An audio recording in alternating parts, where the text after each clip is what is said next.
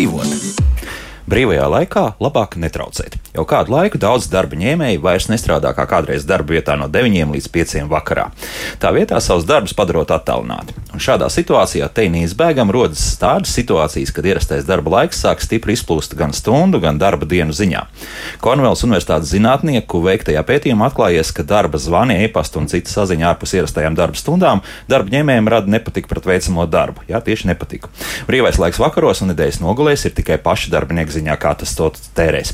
Un, ja darba devējiem pa visām varītēm nepieciešams darbinieks, kam būtu jāstrādā brīvdienās un vakaros, tad laipni lūgtum organizēt attiecīgu darbinieku maiņu, kas būs motivēti darāmo godam padarīt. Citādi lielākas un mazākas nepatikšanas, kā piemēram darbinieku aiziešana no darba, ir teju garantētas. Šodien gan raidījumā runāsim par pretējo procesu, proti darbā iekārtošanu, un to izdarīsim mēs raidījumā, kā labāk dzīvot. Rīta Kārneča pie studijas pults, Loreta Bērziņa raidījuma producenta un es Elsijāns šeit studijā. Esiet sveicināti! Karš Ukrainā ir arī pamatīgs tests Latvijas darba tirgumu. Daudzi karā cietušās valsts pilsoņi jau ir atraduši vismaz pagaidu darbu pie mums, bet vēl vairāk turpina to meklēt. Kas palīdz, kas traucē Ukraiņas bēgļiem atrast darbu Latvijā un ko mums būs no tā mācīties turpmāk, par to šodienas raidījumā. Mans studijas viesi - Nodarbinātības valsts aģentūras direktore Evita Simpsone. Sveicināti! Sveicināti. BDO Latvijas juridiskās nodaļas vadītājs Jānis Ciguzis. Sveicināti! Un BDO Latvijas nodokļu departamenta vadītājs Dainis Vodolāgins. Sveicināti! Labrīt! Attālināti šobrīd esam sazinājušies arī ar CV online Latviju vadītāju Aivi Brodiņu. Aivi, labs rīts! Uh, labrīt! Aivi, ar jums arī sāksim šobrīd. Aivi, pastāstiet par kopējo situāciju darba tirgu un kā arī Ukraiņas bēgļi to ir ietekmējuši, vai faktiski tas tā ietekme pagaidām ir mazjūtama? Uh -huh. uh, Kopumā darba tirgus nu, šobrīd attīstās, ir vērojams arī vakanču pieaugums. Darba devēja tiešām ļoti aktīvi meklē darbiniekus.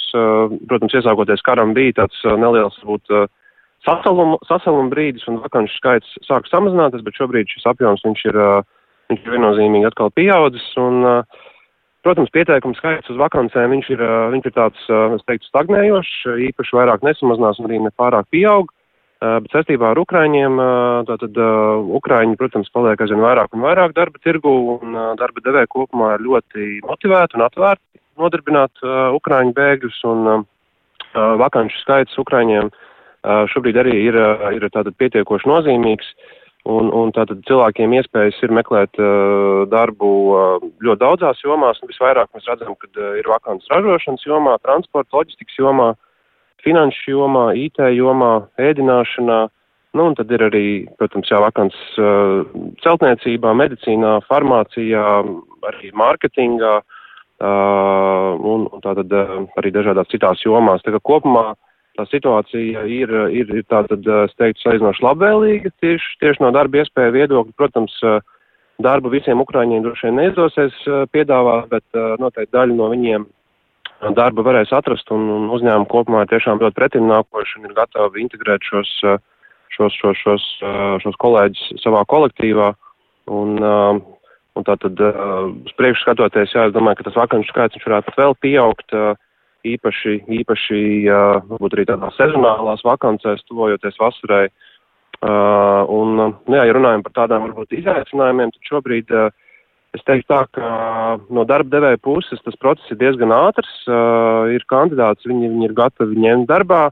Tas, ko mēs novērojam, ka bieži vien uh, tā, tā, tā problēma varbūt ir šim, šim Ukrainim jā, atrast uh, pastāvīgu dzīvesvietu, kur viņš var dzīvot, un arī uh, nokārtot, uh, nokārtot izveidot uh, bankas viņš saņemtu atalgojumu. Te gan, protams, jāņem vērā arī tas, ka varbūt darba devēji reizēm nezina, ka pēc darba likuma algu arī var maksāt uh, skaidrā naudā. Uh, Bet, nu, protams, kop, kopumā jā, visi maksā ar pārskaitījumu uz bankas kontu, un tāpēc tā ir tāda, tāda neliela aizķeršanās, ko mēs esam dzirdējuši no, no darba devējiem, ka viņi nevar uzreiz pieņemt darbā šo cilvēku. Uh, bet tā es teiktu, ka tiešām ir ļoti, ļoti darba devēji ļoti pretimnākoši, un, un, un šis brīdis, kad, es domāju, arī daudz uzņēmumi aktualizē savas vērtības, tiešām viņas, viņas parāda arī darbā, jo ļoti daudz, jā, ir tātad arī pandēmijas laikā rūpējās par saviem darbiniekiem, bija sociāli atbildīgi, un tad nu, šis laiks ir arī ir tiešām tāds, kur darba devēji var apliecināt un, un pieņemt darbā šādus cilvēkus. Mm -hmm. Un jūs jau pieminējāt nedaudz to, ka ne visiem iespējams šo darbu varēs nodrošināt. Kas vēl bez tā, nu varbūt jā, ka tur bankas konta nav, kas vēl varētu traucēt, jūsuprāt, mm -hmm. tomēr visiem dabūt darbu?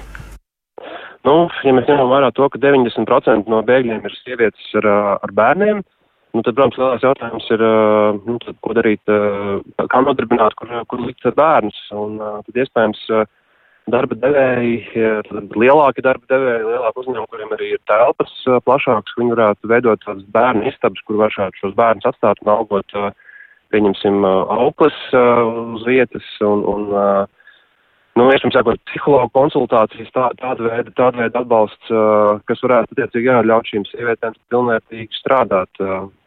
Nu, noteikti, jā, varbūt kaut kāda vēl cita veida, veida varbūt šis te atbalsts uh, gan finansiāls, gan nefinanciāls, jā, ko varētu varbūt šis darbdevējs paņemt uz saviem pleciem.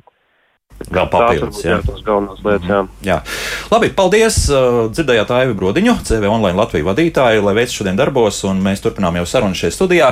Es sākšu no paša sākuma. Šobrīd vīzu dabūšana, šīs garās gada vīzas dabūšana, ir, rada kaut kādas problēmas, vai faktiski šobrīd visiem Ukraiņas bēgļiem tās ir uh, jau gandrīz nokārtotas? Um, šobrīd vīzu būšana, nu, dab, iegūšana nerada problēmas, jo arī pakalpojums un arī darba attiecības var dibināt vēl nesaņemot vīzu. Tikai tad ir tā prasība, ka desmit dienu laikā ir jāpiesakās šai vīzai un vīza jāsaņem. Bet arī dzirdot no kolēģiem pilsonības migrācijas lietu pārvaldē, kad arī viņiem šis process ir pātrinājies un šobrīd vairs nav to, to, nu, to izaicinājumu, kas varbūt bija pašā procesa sākumā. Tā kā vīzas nav šķērslis, lai integrētos darba tirgu. Cik es nezinu, noteikti pēc skaita, bet kaut kādi cilvēki noteikti bija arī, kas bija bez dokumentiem. Jā, arī tur bija paredzēts, ka tad arī tiek izdots speciāls dokuments, un vai tas pēc tam nerada kaut kādas problēmas dabūt tālāk darbu, jo nu, vīza tev ir, bet nu, tālāk tas bez dokumentiem, nu, tad mēs saprotam, jā, ka tā jau ir zināma problēma. Jā, tur droši vien vairāk kolēģi zināms, nu, mēs, viņiem, neesam, mēs neesam saskārušies ar to, ka kādam cilvēkam nebūtu bijis dokuments, un tāpēc viņš nebūtu varējis saņemt vai nodarbinātības valsts aģentūras pakalpojumus vai, vai dibināt darba attiecības. Mē, mums, mūsu praksē šādu gadījumu nav bijuši. Nav, jā, jā.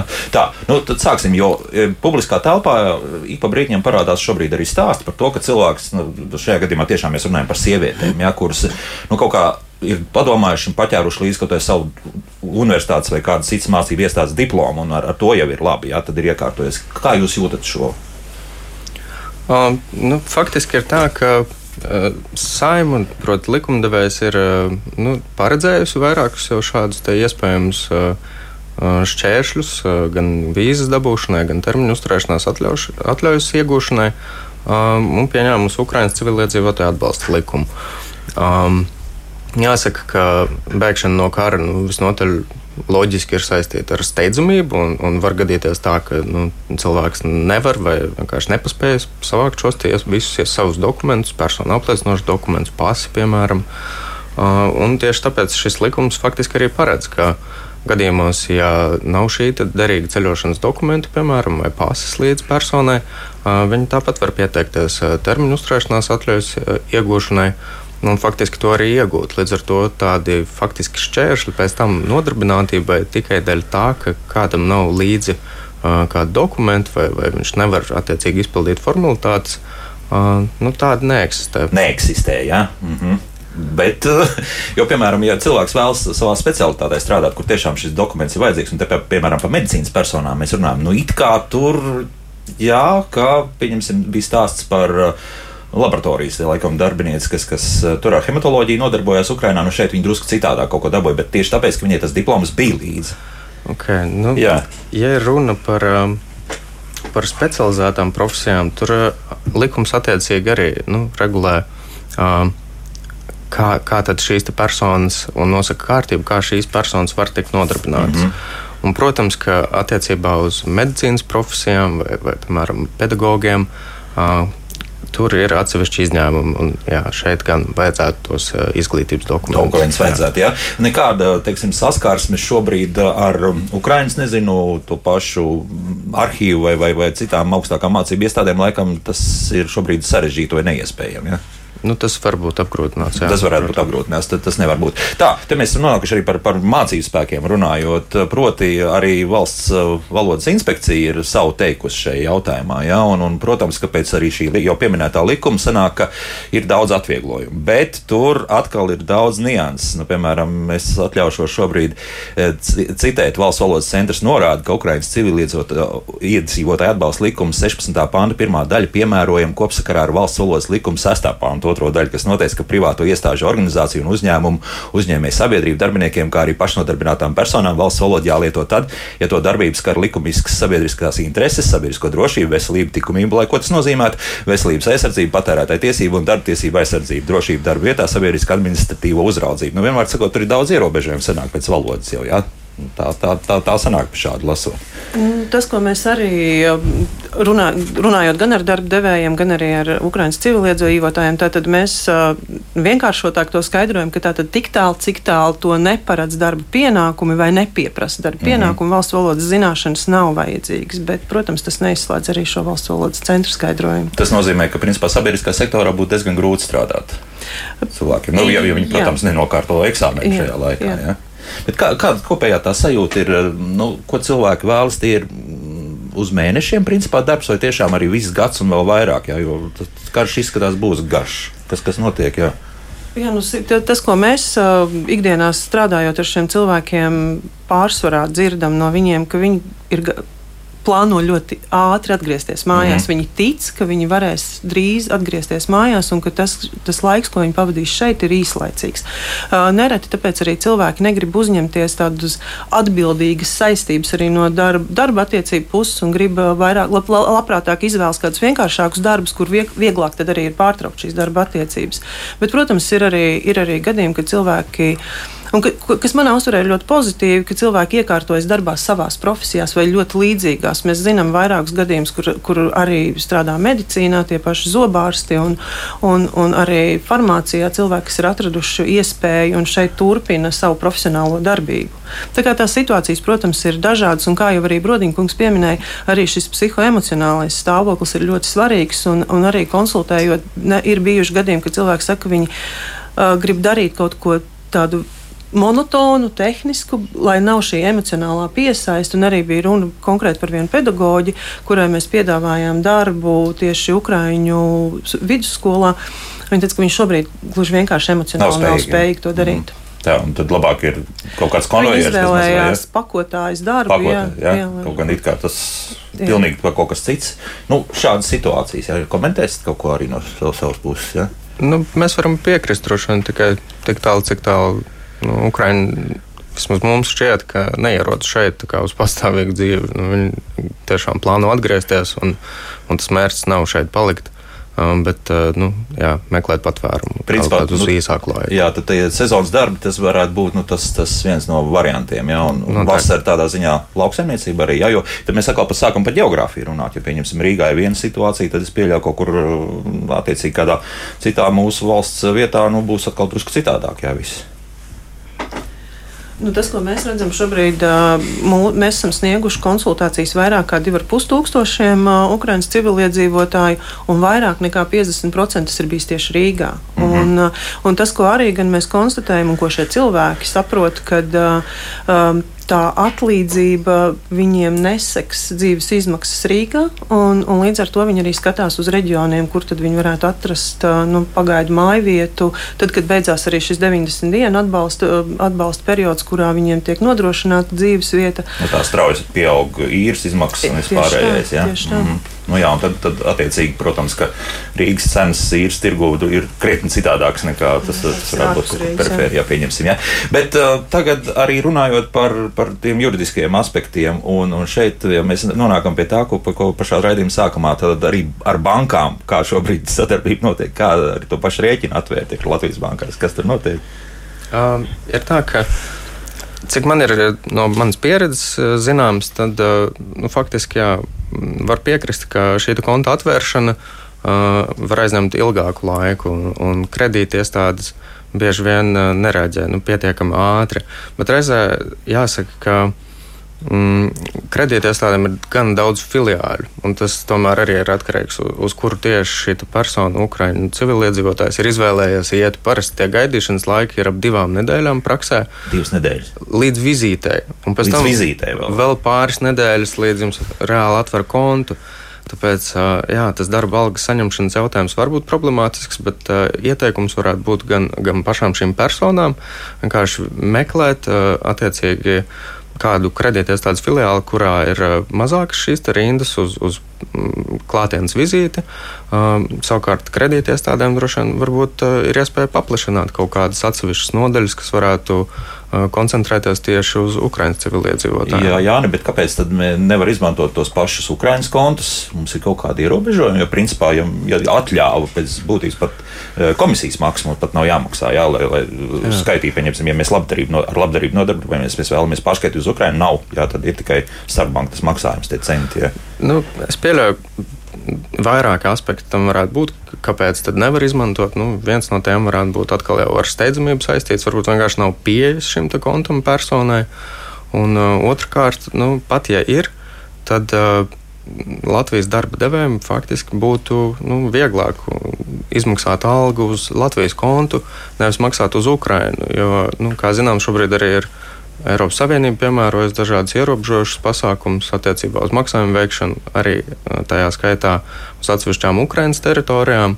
Un, uh, Kurš kredīt... šobrīd ir okupēts? Jā, nu, nu, jā, jā, faktiski. jā, jā. Un kredīti iestādē bieži vien ir nu, diezgan liela resursa jāvēlta, lai vispār izvērtētu, vai tā alga tiek, tiek faktiski maksāta šai personai. Tad vēl var nobloķēt vispār visu. Jā, tur, nu, mhm. kā mums vēl, gadās, jā, valūtas, jā. valūtas uh, attiecīgi starpības, tas, kā respektīvi algā esot uh, eiro, eiro valūtā izteiktā, un visticamāk, ka ne visiem ir, bēgļiem ir valūtu konti, konti mm. un tad uh, pat izmaksājot algas, tad uz tādiem kontiem droši vien būs jautājumi uz valūtas kon konvertāciju, jo sanāks vienreiz nokonvertēt vietēju valūtu, un otrais šeit samaksājot, tad atkal būs konvertācija. Un tas mm. kurs visu laiku staigā, un tas pat darbiniekam varētu būt vienkārši un, un, neizdevīgi. Nu jā, un, protams, ja tur ir, mēs runājam par kaut kādiem 600, 700 tā, lab, labi eiro, tad, tad vēl noņemot nostāvu vispār, jo tad paliek vēl mazāk naudiņas. Ja? Mm. Kas notiek ar nodokļiem, Dāņi?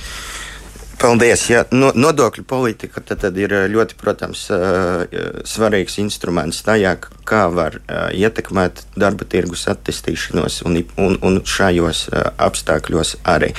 Um, ir, ir droši vien jā, jāpaskatās uz jautājumu par nodokļu piemērošanu no īstermiņa skata punktu viedokļa, ko mēs varam kā valsts darīt uh, to cilvēku labā, kuri šobrīd mēģina palikt nodarbināti Latvijā. Jo mēs īsti paši nevaram zināt, uz cik ilgu laiku mm, šī situācija veidojas. Mēs, piemēram, varam praktiski apsvērt jautājumus par to, ka nu, mēs zinām, piemēram, ka mm, uzņēmējiem ir piemērojama nulles PVN procentu likme piegādām un ziedojumiem sabiedrisko labumu organizācijām, Jā. kā arī uh, piegādām precēm, kuras tiek eksportētas attiecīgi uz Ukrajinu, lai atbalstītu karotājus. Tā pašā laikā, pat ja mēs atgriežamies pie sarunas par bērnu dārzeņiem un bērnu iekārtošanu, tad šobrīd ir tā, ka nav paredzēti izņēmumi šiem jauniem darba ņēmējiem no vispārējais nodokļu piemērošanas kārtības attiecībā. Maksā uz... sociālo nodokli, ienākumu nodokli un tā tālāk. Un, tā tālāk jā. un viens no aspektiem ir arī tas, ka jebkurš mantiskais labums, ko darba devējs piešķir ne naudas izteiksmē savam darbiniekam, arī ir apliekams ar darba nodokļiem. Jā. Attiecīgi šie bērnu iekārtošanas pasākumi, jeb kādi citi uh, vienkārši materiālais atbalsts cilvēkiem, lai viņi faktiski fiziski spētu savu, savus darba pienākumus pildīt, viņi var novest pie lielākā nodokļu sloga. Uh, šis, šis, ir, šis ir viens tāds īstermiņā arī jautājums. Piemēram, mēs varam paskatīties uz polijas piemēru, kur tiek šobrīd apspriests jautājums par to, ka līdz noteiktai robežai uh, cilvēkiem tiek nodrošināts atbrīvojums no IIN visam, vis, visiem šiem mantiskiem. Ja? Jā, mhm. tieši tā.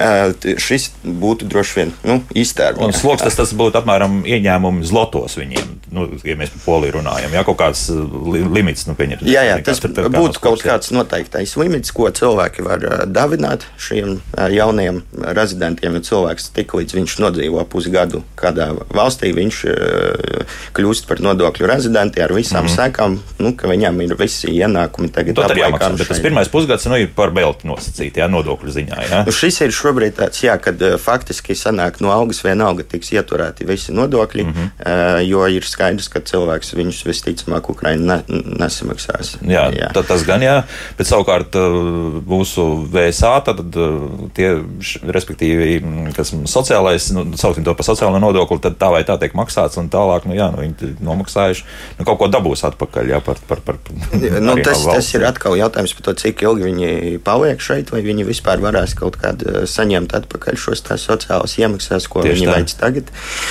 Nu, vēl varbūt tādos iz, īsos vārdos par tādu ilgtermiņa skatījumu uz šo, ko, jo šī ir, protams, problēma no vienas puses, bet tā arī, kā mēs zinām, varbūt arī iespēja mums, jo savukārt Latvijai kolēģi, tad eh, varbūt labojiet, mums ir novērojams nu, dar, darba spēka trūkums. Jā, jo ir tāds jautājums mājaslapā, nu, kā tad dzirdējām, jau pašā sākumā teica, nē, jā, darba vieta ir cik uziet. Jā, nu, nu, tā, jā. Un ja mēs būtu ieinteresēti kā valsts, teiksim, visus vai ko, konkrētu profesiju speciālistus, piemēram, no kaut kādas uh, augstas pievienotas vērtības jomas, uh, nodarbināt šeit un noturēt pie sevis tā, lai viņi šeit paliek, jo viens no aspektiem viņi domā par atgriešanos uz māju mājām, bet mm. reāli dzīvē viņi var, var sastapties ar to, ka šis nodokļu sloks kopumā viņiem nav pieņēmams, jo viņš ir krietni augstāks par to, pie kā viņi ir pierāduši mājās. Ukrainai ir zemāk nodokļi. Ja? Protams, eh, un tad attiecīgi cilvēki varētu vienkārši sākt meklēt citu valsti, kur viņi varētu sevi pielietot un kur, mm -hmm. kur tas nodokļu sloks būtu zemāks. Šis jautājums attiecīgi nevienā valstī vēl netiek skatīts, jo, jo, jo nu, viņš attiecīgi ietekmē budžeta ieņēmumus, un tas ir sarežģīts jautājums, bet ilgtermiņā mēs varētu domāt par to, ka kaut kādu izņēmumu kārtā uz noteiktu iespējams laiku kaut kādā veidā padomāt Mēs par tādu eh, nelielu offshore uztaisām. Ja?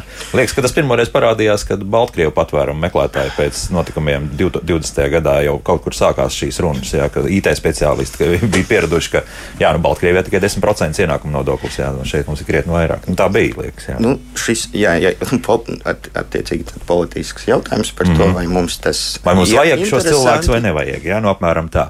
Jā, ko mums vēl prasa, Ukraiņu skolotājs var dabūt specialitātē darbu, mēs jau pieminējām vismaz vienu gadu gadījumu, nu, tad nu, nemaz tā, ka neraujas jā, šobrīd arī. Nu, nevar teikt, ka neraujas, bet, bet jāņem vērā, jā, kā jau minēju, šis arī psihoemocionālais stāvoklis, jo nu, tas ir jāpaturprātā. Šie cilvēki bēg no kara šausmām, un, un iespējams daļa ģimenes ir Ukrainā, kas, kas, un daļa ir prom, un, un tas, protams, atstāja iespaidu arī to, ko viņi ir gatavi šobrīd darīt. Jā, jo, jo skolotājs tomēr ir nu, skolotājs ir skolotājs. Jā, no skolotāja arī labsajūtas ir daudz kas atkarīgs eh, šajā gadījumā. Laiks mūzikai pēc mūzikas turpināsim, atbildēsim arī uz klausītāju jautājumiem. Vēl izrunāsim arī to, kāpēc, piemēram, Nodarbinātības valsts aģentūrā ir jāreģistrē visas iespējamās vakances. Jā, arī šāda iespēja pastāv un kāpēc tas jādara, to noskaidrosim pēc mūzikas. Kā labāk dzīvot? Šodien mēs runājam par to, cik viegli vai grūti ir iekārtot Ukrāņu bēgļus eh, darbā. Šeit studijā Nodarbinātības valsts aģentūras direktore Evita Simpsone, BDO Latvija juridiskās nodaļas vadītājs Jānis Ciguzis un BDO Latvijas nodokļu departamentu vadītājs Dainis Vodolāgins, eh, kur Dainis laikam atklāja šo noslēpumu, ka burtiski divas nedēļas pirms kara jūsu vecāki atbrauc ciemos uz Latviju nu, un šobrīd atrodas šeit. Jā, laimīgā kārtā. Neizbrauc un neizskatās, ka brauks. Jā. Tuvākā laikā jā. vismaz. Jā. Nu, lūk, tā. Eh, mēs turpinām mūsu sarunu un viens eh, svarīgs jautājums. Nodarbinātības valsts aģentūra aicina visus darba devējus savus vakances reģistrēt pie jums iegūms. Kāpēc? Um, tātad pirmais iegūms darba devējiem, um, reģistrējot vakances nodarbinātības valsts aģentūrā, ir uh, apmēram 60 tūkstoši darba meklētāji, reģistrēti bezdarbnieki, kas tad ar mūsu palīdzību mēģina atrast sev jaunu darbu. Uh, tas, ko mēs piedāvājam ikvienam darba devējam, ja ir vēlme, mēs veicam arī atlasi tātad sākotnējo atlasi pēc darba devēja izvirzītajām prasībām un piemeklējam piemērotus kandidātus. Un kopumā tātad arī tad mēs labāk varam apzināt situāciju, kā tad, kāda tad ir darba tirgu un saprast, kas ir tie virzieni, arī domājot par darba spēku attīstību, piemēram, par to, kādas prasmes ir jāattīsta darba, da, potenciālajiem darba spēkam. Mēs varam labāk saprast, ko tad piedāvāt mūsu klientiem, kādas tad šīs gan apmācības, gan varbūt jau tālāk arī pārkvalifikācijas. Tātad veidojas nu, tāda saprotamāka visiem aina par patiesiem notikumiem darba tirgu. Jo šobrīd jau nu, tā situācija ir nostabilizējusies, un jau arī jau sāk domāt par kaut kādām nu, nosacītām nākotnes perspektīvām. Jā. Jā. Jā, protams. Mm -hmm. Kas šobrīd notiek? Jo šāds jautājums arī ir. Cik tad ir īsti atraduši no šiem 25,000 bēgļu? Nu, skaidrs, ka tur ir daudz bērnu, nu, no tiem tos ņemam nost. Cik daudz ir atraduši darbu un cik joprojām arī meklē? Tādas precīzas statistikas par šo nav, jo tātad, kā arī paredz Ukraiņas civilietotāju atbalsta likums, šeit nav obligāta prasība ne darba devējiem reģistrēt vakances nodarbinātības valsts aģentūrā, ne arī šiem cilvēkiem reģistrēties pie mums. Tātad viņi var darbu meklēt arī individuāli ar paziņu, radu atbalstu vai, vai paši. Līdz ar to tā, tātad mēs nevaram precīzi pateikt, cik, cik Ukraiņas civiliedzīvotāji jau ir atraduši darbu un cik ir iekārtojušies darbā. Mēs tātad, kā minēju, 2,5 tūkstoši, vairāk kā 2,5 tūkstoši ir vērsušies pie mums pēc atbalsta. Un, mazliet virs simts personām ir reģistrējušies arī bezdarbnieku vai darba meklētāju statusā. Kāpēc tik maz? Kas par lietu? Tātad cilvēki primāri meklē darbu, un ja, viņiem, ja mēs varam viņiem piedāvāt piemērotu darbu, tad viņi izvēlas uzsākt darba attiecības, nevis reģistrēties pie mums kā klienti. Kāpēc cilvēki reģistrējas kā klienti? Tāpēc, ka tad viņiem ir iespēja saņemt pilnu mūsu pakalpojumu paketi, kas ietver sevi gan dažādas apmācības, gan arī nodarbinātības atbalsta pasākums. Un, un jāsaka, ka arī jau pietiekami liels skaits Ukraiņas civiliedzīvotāji ir izteikuši vēlmi uzsākt valsts valodas apmācības, un, un šobrīd mēs to varam nodrošināt tikai mums, pie mums reģistrētiem klientiem, bet tas mainīsies vasaras vidū ar 1. jūliju. Tātad arī tiem cilvēkiem, kas jau būs darba attiecībās, mēs varēsim nodrošināt valsts valodas apmācības. Mm -hmm. nu, tie visdrīzākais būs cilvēki, kas uh, saistīs uh, savu dzīvi ar Latviju uz ilgāku laiku. Ja? Jā, iespējams. Protams. Ļoti iespējams. Jā. Ja? Um, šeit arī viens tāds jautājums par uh, tiem cilvēkiem, kas varbūt vēlas arī šeit nodarboties zināmā mērā ar uzņēmējdarbību un pašnodarbinātie, pieņemsim. Nu, tas ir aktuāli šobrīd pašnodarbinātās personas, kas varētu šeit uh, strādāt, ne tikai būt kā darba ņēmēji. E, protams, jā, tad attiecīgi, ja cilvēks uh, ir, ir, ir spējīgs pats arī organizēt savu saimnieciskas darbības veikšanu, viņam ir pienākums eh, un viņš sniedz patstāvīgi pakalpojumus vai arī nodarbojas ar preču tirzniecību, tad viņam ir pienākums arī reģistrēt savu saimniecisko darbību. Mm -hmm. nu, tālāk, attiecīgi, var izvēlēties vai nu likums piedāvā iespējas, tu vari nodibināt uh, sabiedrību, nu, kas ir attiecīgi eh, uzņēmuma ienākuma nodokļu subjekts ir atsevišķs stāsts, bet tu arī vari izvēlēties nosacīt vienkāršāku veidu un nedibināt nekādu sabiedrību pašam kļūst par pašnodarbināto. Dažreiz liekas, ka vieglāk ir sīvi nodibināt, nevis, nevis būt par pašnodarbinātu, bet tā ir tikai replika no malas. Jā. Jā. Tas varētu tāds process izskatīties eh, sarežģītāk tieši ar uzņēmumu, jo būs papildus vēl viens bankas konts, piemēram, jāatver, mm -hmm. un ir pamatkapitāla prasības, un ir uh, vesels uzņēmuma ienākuma nodokļa likums, kurš strādā pilnīgi citādi, kā viņš strādā visās robe, nu, kaimiņu valstis, izņemot eh, Igauniju, tad, tad, tad, tad to ir grūti saprast. Attiecīgi, pašnodarbinātiem ir plus-minus tas pats, kas ir darbiniekiem. Tad, Aha. tad ir iedzīvotāju ienākuma nodokļu saistības un kārtība, kā rēķināt sociālas iemaksas. Un, eh, šis varētu būt nu, alternatīvs veids, ja cilvēks pats dar, nu, nevēlas strādāt, bet vēlas nodarboties uzņēmēju darbību. Tas, tas, tas ir labs risinājums. Interesi, jā, interesi ir.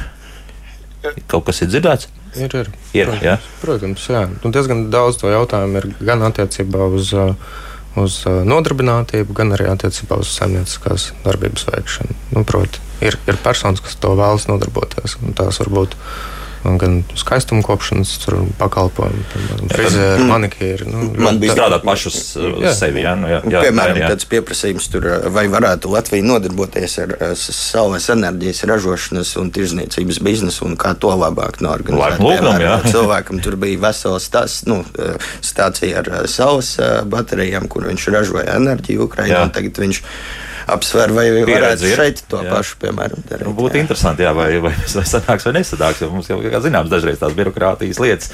Bet tur, tur jūs arī nesaskatāt, tur tā, tā pat problēma arī vērtu bankas konts vaļā un tā tālāk, ka šeit bankas varētu kaut ko pabremzēt. Nu, kā jau ierasts pie mums tagad, ir nu, pēdējos gados. Protams, ka bankam jau arī līdz šim bija padziļināta tad, tad, ja, klienta izpētes procedūra attiecībā uz visiem nerezidentu klientiem, un it īpaši tad, tad, no, aust, no, no austrumiem. Nu, šobrīd faktiski, protams, ir. ļoti rūpīgi viņiem ir jāizpēta to cilvēku, jo viņi nevar pieļaut nekādu, mēs zinām, visu, nu, nevar pieļaut nekādu naudas atmazgāšanu. Terorisms, bla, bla, bla, Nu, jā. Un, un tas, nu, un atkal... tā, tā, tas ir, kur tas realitātes saskarās, kad arī praktiski jā. procedūras atcelt. Tas nav iespējams, viņas ir jā, jāiziet, jāizpildē. Tas ir process, ar ko jas, nu, viņš ir jāpieņem un iespējams mēģināt kaut kā efektivizēt. Jā, interesants jautājums. Oskars mums uzdod, daudz ukrāņu turpina attālināt strādāt Ukrajinā. Respektīvi, attālināts darbs, vai viņiem ir vajadzīgs formalitātes šeit kaut kādas kārtot? Liekas, ka nē. Nu. Nerezidents, viņš paliek nerezidents, rezidents Ukrajinā un viss. Ja?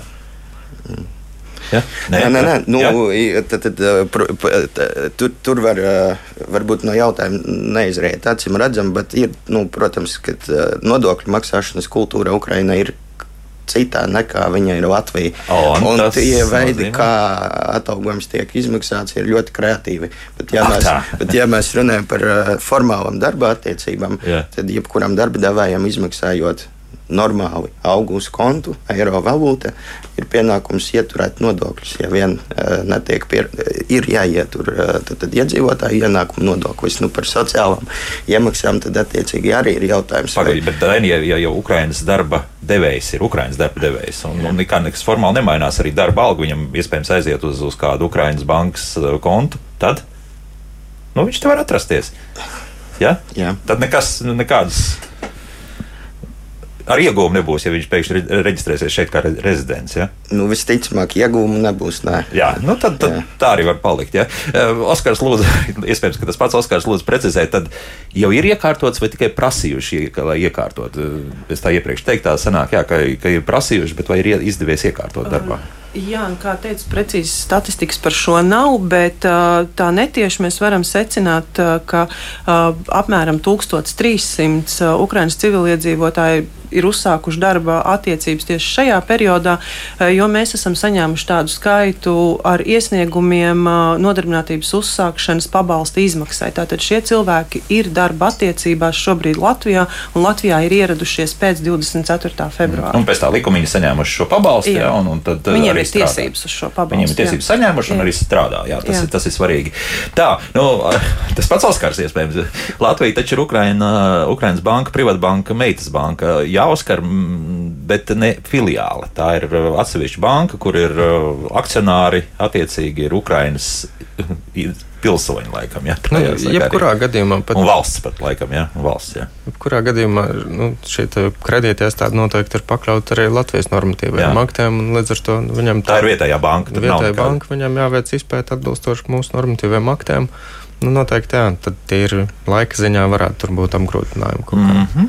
Tā, nu, vairāk jautājumu ir par um, tieši nodarbinātību lauksaimniecībā. Skaidrs viens, ka sēja sākas, uh, viss sākas. Pirmdien mēs arī jau runāsim par ilgspējīgu lauksaimniecību raidījumā, kā labāk dzīvot, drusku reklamējuši arī pirmdienas raidījumu. Kas ar šo notiek? Kāda ir interese? Jo mums raksta, labprāt ņemtu darbā. Jā, nu šeit arī tātad uh, varam atgriezties pie jautājuma, kāpēc reģistrēt vakances nodarbinātības valsts aģentūrā. Tātad arī, ja šīs lauksaimniecības vakances pie mums ir reģistrētas, mēs tās varam piedāvāt uh, mūsu klientiem, tā skaitā arī Ukraiņas civiliedzīvotājiem, un to mēs arī darām. Un arī, arī, protams, jā, Ukraiņas civiliedzīvotājiem visas šīs vakances ir pieejamas, un uh, informāciju par to mēs sniedzam. Nu, jautājums ir atkal par to, vai tas atbilst tam, tam cilvēku profilam, un vai tas ir darbs, ko viņš ir gatavs darīt, un vai tā, tā tā darba vieta un dzīves vieta. Tur atkal jāskatās no šī aspekta, vai tā tad, kur dzīvo šie cilvēki un kur, kurš ir darba vietas. Jo, principā, tad būtu jādomā arī par to, lai šiem cilvēkiem būtu attiecīgā vietā, kur dzīvot. Jā, nu, jā tas, jā. protams, ir primāri svarīgi. Jā. Mm -hmm, tad vai vien pār, pārvākšanās, bet interese kopumā par, par strādāšanu kādā veidā nezinu, vienalga, vai tā būtu lopkopība vai, vai graudkopība vai, vai kā citādi. Kop, Šobrīd mēs nevaram teikt, ka, ir, ir, ka mēs varētu runāt par kādu ļoti izteiktu interesi par kādu konkrētu nozari. Uh, mēs arī vērtējam to, kāda ir bijusi iepriekšējā pieredze šiem cilvēkiem, ko viņi ir darījuši Ukrajinā. Un, un uh, primāri domājam arī par to, kā viņi šīs prasmes var pielietot šeit. Un, un tās, tās jomas ir ļoti dažādas. Un, un kas arī jāatzīmē, ka uh, tātad tie cilvēki, kas ir vērsušies vērsušies pie mums pēc atbalsta. Gan arī 50% šobrīd ir augstākā izglītība. Tātad šie ir augsti izglītoti cilvēki, un, un mēs arī uh, domājam par to, kā viņus atbilstīt kas arī ir mūsu gan darba devēja, gan valsts interesēs, lai mēs šo potenciālu izmantotu pēc iespējas labāk un vairāk un, un netērētu varbūt uh, vienkāršākiem darbiem, kur, kur, kur mēs varam iegūt lielāku labumu, ja šie cilvēki ir strādāt ar lielāku pievienoto vērtību. Lielāk, jā? tieši tā. Bet uh, mums jau ir tā, nezinu, saskaitīts kaut kāds tas sociālais tēls apmēram Ukraiņu bēgļi ir jau apzināts, ka, kas nu, tie tāds, ir, kādas jā, izglītības un tā tālāk, vai, vai tas ir pagaidām vēl, vēl Nē, mēs, mēs, mēs, mēs reģistrējot cilvēkus vai apkalpojot cilvēkus, mēs ievācam šo informāciju. Un, kā, jau, kā jau tas ir vairāk kārt minēts, tātad lielākoties tās ir sievietes. Pie mums 80% no visiem pakalpojumu saņēmušajiem ir, ir tieši sievietes. Izglītības ir ļoti dažādas, un, un kā minēja, apmēram 50% ir augstākās. Ir gan mediķi, juristi, pedagogi, IT speciālisti, finanšu speciālisti. Ļoti, ļoti dažādi ir šī, šis spektrs. Ir arī profesionāli, profesionālās izglītības un kvalifikācijas, kas arī ir nu, dažni dažādi šuvēji, pavāri. Kas pēc būtības ir uz izķeršanu vajadzētu būt. Jā, jā tieši tā, un, un arī skaistumkopšanas speciālisti. Kā, nu, ļoti, un, un, ja mēs skatāmies par to profilu, tad pārsvarā tās ir vecuma posms apmēram no 35 līdz, līdz, līdz 55 gadi. Aktīvākais faktiski vecums. Jā, jā nu tā. tieši tā. Mm -hmm. nu, jā. Ko jūs arī varētu vēl piebilst par šo gan vecumu, gan, gan arī izglītības un šo griezumu? Jāni? Um, nu jā, es no mūsu personīgās pieredzes varu teikt, ka pie mums e, darbu ir uzsākusi kolēģi no Ukrainas, Svitlana Garjugina. Un, e, nu, viņa ir um, profesionāls un augsti kvalificēts uh, jurists. Un, uh, nu jā, tad droši vien viņi iekrītēja uz 50%, kuriem ir augstā, augstākā izglītība. Mm -hmm. Tā. Juristi var dabūt eh, pie mums eh, darbu. Tas... Jā, jā, juristi var. Protams. Var, jā, tur, tur nav liela teiksim, atšķirība starp, starp eh, to jurisprudenci, kas ir viņiem un pie mums. Nu, atšķirības ir, bet, protams, ir jautājums, nu, kādos aspektos šī persona var būt noderīga. Un, piemēram, Svitlana var palīdzēt Ukraiņiem attiecīgi ar darba tiesisko attiecību nodibināšanu, arī ar vīzu saņemšanu, ar kontu atvēršanu, jo viņi pati ir gājusi cauri šim procesam, un viņi šo atbalstu var sniegt turklāt Ukraiņu valodā. Kas nav mazsvarīgi noteikti. Jā, protams, un, un nu, vieglāk vienam otru saprast viņam noteikti ir. Un, tā kā jā, es teiktu, ka nu, viņai personīgi šobrīd nav tādu baigo šķēršļu, lai, lai sniegtu palīdzību. Lai šeit strādātu. Juridisku. Mm -hmm. Antru mums jautā nu, par šajā gadījumā par sociālo nodokli, jo lūk, cilvēki izmanto infrastruktūru, skolas un tā tālāk. Kāpēc atbraucot no citas valsts un šeit strādājot, kādam tas nav jāmaksā? Vai es pārpratu to atbildi? Nu, vai uzreiz jāsaka, ka sociālais nodoklis nekādā veidā neietekmē skolas un vispār, jo tieši ienākuma nodoklis jā, ir svarīgākais. Jā? Daini, nu, ja mēs runājam par, par, par, par pašvaldībām un tā tālāk. Nu, jā, tas ir aspekts, par nu, es, es jau neteicu, ka viņiem nav jāmaksā. Es tieši teicu, ka viņi nekādā veidā neatšķirās no vispārējās kārtības. Jo, piemēram, mēs, mēs dzirdējām, tad, ja tas ir līdz 55 gadiem, tad daudziem tagad, principā, obligātā kārtā jāmaksā, kaut arī ir iemaksas otrajā pensiju līmenī strādājot pie mums. Jā, nu, nu, kas tālāk? Labs jautājums, jā, vai mēs, kā viņi šo naudu pēc tam atgriežoties atpakaļ Ukrainā, varēs saņemt vai nevarēs saņemt. Tur runājot par sociālo nodokli, bet principā ienākumi iedzīvotāju nodoklis nodrošinās vispārējo. Ja? Iedzīvotāju ienākumu nodoklis un sociālas iemaksas piemērojas uz visiem labumiem, ko saņem darbinieki. Tas kopumā saucas augstas nodokļi. Mm -hmm. Un, nu, tur nav tādas baigas starpības attiecībā uz to, ka, ka nav tā, ka teiksim, viens kaut kāds labums tur būtu apliekams ar vienu nodokli un otrs ar otru. Tas viss iet nu, plus mīnus kopumā faktiski jebkāds. Nu, labums darba devēja, labums darbiniekam piešķirtais. Viņš kā minimums tad, tad ir jautājums, vai tas ir apliekams ar algas nodokļiem Mm -hmm. un, un vai to ir liederīgi darīt tieši to aspektu dēļ, kad iemaksās krājās attiecīgi šobrīd, mm cik zināms, tad instrumentu, kā viņi atgriežoties atpakaļ varētu šito, šīs nu, vai aizbraucot. Ja, ja, ja viņi tur aizceļo Eiropas ietveros, tad, tad tāds mehānisms ir. Tas varētu vis, visas tas iemaksās, viņas paliek un tiek pārnēstas jaunajai rezidents valstī. Nu, es domāju, ka par atgriešanos uz Ukrajinu arī varētu izstrādāt instrumentu pēc tam, kā šīs iemaksas varētu tikt izmantotas. Par to pašu otro pensiju līmeni, kaut kā runājot. Tas jā? būtu atkarīgs atkal no Ukraiņas valdības pēc, eh, pēc notikumiem. Viņas, es baidos, ka viņiem šobrīd ir cits lietas šobrīd. risināms. Jā, ka viņi pat domāt par to, kur, kur otro pensiju līmeni, kas Latvijā iekrāts, tālāk likt, ir viens cits jautājums. Jā, Jānijā. Tas, ja darba devējs izīrē dzīvokli, piemēram, nu, izīrē vai nodrošina kā Ukraiņas civiliedzīvotājiem, viņam arī sanāk nodokļu sloks. Jā, jā, jā, tas nav no pašvaldības saņemtais atbalsts, un tas ir darba devēja izmaksas. Tad faktiski jā, šis ir tas pats, kas būtu alga. Jo loģika ir tāda, ka tu vari saņemt to naudu pats kā augu un savu iz, izīrēt, vai tas notiek patiešām tam nozīmes nav. Mēs skatāmies uz ekonomisko būtību un efektu, kas, kas, Kā tas kas notiek. Jā. Jā. Bet tur drīzāk ir jāsaka tā, ka tur tiešām tas sociālais nodoklis ir jautājums, risinājums, bet tas neietekmē nekādu citādu visas pārējās lietas, jā, kas attiec uz skolu, ceļiem un, un tā tālāk. Un tā tālāk. Nu, mums Latvijas pasaulē jautā, drīzāk vienkārši runājot, vai nevajadzētu šeit galvas nodokli ieviest. Proti, nu, ka iedzīvotāji, respektīvi, kas mums bēgļi ir atbraukuši, viņi maksā varbūt drusku kaut ko vai nu tikpat daudz, vai vairāk, pat, bet, bet tad, kad viņi dodas prom, tad viņi šo naudu kaut kādā veidā var dabūt atpakaļ kaut kādu daļu no tiem procentiem.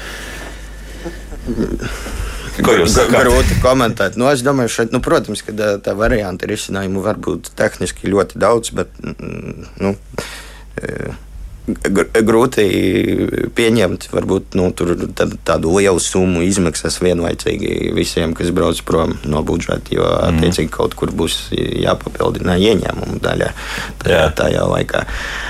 Vienmēr sakot, ne, nebūs tik vienkārši. Jā? Jā. Nu, tas, tas skaidrs. Jā.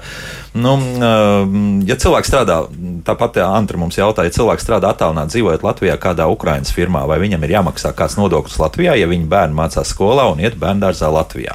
Jā, jā. jā. Viņš skaitās darba ņēmējs pie darba devēja ārvalstnieka. Viņiem ir uh, nedaudz vēl sarežģītāks process, uh, kas ir saistīts ar to, ka Ukraiņas darba devējs nav spējīgs Latvijā pieregistrēties kā vietējais darba devējs un pats maksāt sociālas iemaksas. Viņš nevar un nodokļus arī.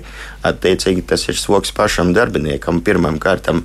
Uh, saņemt no darba devēja nevis tikai savu grosu algu, bet vēl arī papildus darba devēja sociālā nodokļa daļu. To, ko maksās, jā. Un visu to pašam darba devēja vārdā iemaksāt budžeta, kas ir attiecīgi nu, vienkārši papildus sloks, jo parasti jau algai tu viņu saņem un, un visu tos nodokļus normālus, normālā gadījumā neredzi. Šī gadījumā tas ir sarežģītāks process, kur ir pašam darba ņēmējam jāreģistrējas un jāveic un iemaksu tie... veikšana par, gan par sevi, gan par darba devēju. Par tiem sociālajiem iemaksām tas nozīmē tie 30, cik pavisam 34,09. 09 pat, jā, tad ir jā, jāiemaksā. Nu, tā būtu pēc, pēc, pēc likuma, jā. Vai tas reāli tā notiek? Šis ir praktiski, ja mēs pamēģinām kaut uz mirklīti iedomāties, kā tas dzīve var. Ir Ukraiņas iedzīvotājs, viņš neprot valsts valodu, viņš ne, ne, nespēja pat saprast, ka nu, ot, ir tā sistēma, un, un kur nu vēl iet tur un meklēt to reģistrāciju, un vispār saprast, kā tas tādā veidā notiek. Ļoti daudzie cilvēki pieņem, ka viņiem, cik viņi strādā pie Ukraiņas darba devēja, tad visas nodokļu saistības viņiem ir sektas tur, bet uh, faktiski sanāk, ja viņi šeit uzturās ilgāk par 183 dienām, jebkuru 12 mēnešu laikā, viņi kļūst par parastiem rezidentiem ar visiem pienākumiem uh, savas nodokļu saistības kārtot šeit. Mm -hmm. Un tas ir neatkarīgi, vai viņi saņēma šo gadu vīzu vai, vai kā. Imigrācijas, jā, mēneši, ja? imigrācijas jautājumu viņi dzīvo cita pasaulē. No, Ak, tā, jā. no nodokļiem nodokļi labāk, dzīvo savā. Aha. Kaut kas pavisam cits. Ja. Nu, iemaksas mums raksta, ka pensijas veido 3 līdz 6% no visām sociālā nodokļu maksājuma. Bija tik maz, vai tad? Liekas, ka vairāk bija. Es, es nevarēšu atbildēt Jā, nu, tas precīzi. Tas, drusku to sadalījumu par budžetiem es mm. precīzi nevarēšu. Jā, nu mums ir divas minūtes. Varbūt uh, vēl ko mēs neesam pieminējuši, varbūt kāds svarīgs aspekts. Um, jā, no nodarbinātības valsts aģentūras puses ļoti svarīgi gribu, gribu pateikt, ka uh, tuvojas vasara, mēs kā jau katru gadu organizējam vasaras nodarbinātības pasākumu skolēniem, un šogad aicinam arī Ukrainas. Uh, skolēnus, kas šobrīd ir Latvijā, iesaistīties pasākumā. Un, un šogad darba devēji ir bijuši ļoti aktīvi un ir pieteiktas 11,000 darba Un vietas. Tās ir subsidētās, jā, darbības. Jā? Tās ir, jā, tā tad mēs līdzfinansējam atlīdzību jauniešiem, kur, ko tad darba devējs viņiem maksā par darbu vasarā. Tā kā darba, darba vietu būs daudz, aicināsim arī maijā jau jauniešus pieteikties. Un, un jā, gribu pateikt, ka tā ir iespēja arī Ukraiņas bērniem vasarā strādāt Drusku Latvijā. arī naudu. Jā. Jā, attiecīgi pēc likumiem. Jā, Daini, Jāni, viss ir pateikts. Um, es gribētu teikt, ka ir jāizmanto droši vien attiecībā uz vakancēm nu, ne tikai NVA portāli, bet praktiski visi, kas ir pieejami. Um, īpaši vēlos izcelt vienu, ir tāda vērta grupa konsultāciju uzņēmums. Viņi ir izstrādājuši mājaslapu Ukraiņu to Latviju, kur attiecīgi publicē Raksts vakances. kopā Ukraiņai. Jā. Tu, tu Latvijā, un tur ir. Nē, īstenībā nav kopā Ukraiņa, mazās vietriņa Latvija. Aha, Un tur ir četrās valodās attiecīgi pieejams mm, vakants uh, Ukraiņiem tieši domātas. Nu, tā kā, jā, var, Iespējas vajag ir. izmantot visas iespējas. Iespējas ir, jā. Un Otrkārt, noteikti vērsties arī pie mums, gan darba devējiem, gan pašiem Ukraiņas civiliedzīvotājiem, ja ir kaut kādi jautājumi, vai arī, piemēram, ir nepieciešams sagatavot kādu darba līgumu vai, vai kādu nodokļu jautājumu, mēs arī varam palīdzēt. varat konsultēt. Lieliski. Saku paldies Nodarbinātības valsts aģentūras direktorei Evitai Simpsonai, kā arī BDO Latvijas juridiskās nodaļas vadītājiem Jānim Ciguzim un BDO Latvijas nodokļu departamentu vadītājiem Dainim Vodolāginam par sarunu. Lai veicas arī šodien darbos. Paldies! Paldies. Un um, jauku nedēļas nogalu vēlot, tad uh, pirmdien mēs runāsim par uh, jā, ilgspējīgu lauksaimniecību, jo nu pat Atkal jāmin Ukraiņas karš. Diemžēl ir, mēs esam nonākuši situācijā, ka mums kaut kāda minerāla mēsla sāk trūkt. Un ko nu tad? Jā, par to tad mēģināsim izrunāt visu pirmdienas raidījumā. Vēl gribu atgādināt tikai to, ka mums uh, ir jauna lietotne, La Latvijas radio lietotne, kur var lieliski lejuplādēt gan mājaslapā, gan arī, protams, Google Play un attiecīgi arī App Store. Un viss Latvijas radio saturs tagad pieejams šajā mobilajā lietotnē. Lejuplādē aplikāciju, klausies jaunāko ziņu apskats, raidījumus un mūziku savā telefonā, jebkurā laikā un vietā strādā labi, tikai internets vajadzīgs. Jā. Nu tad līdz pirmdienai, jā tā.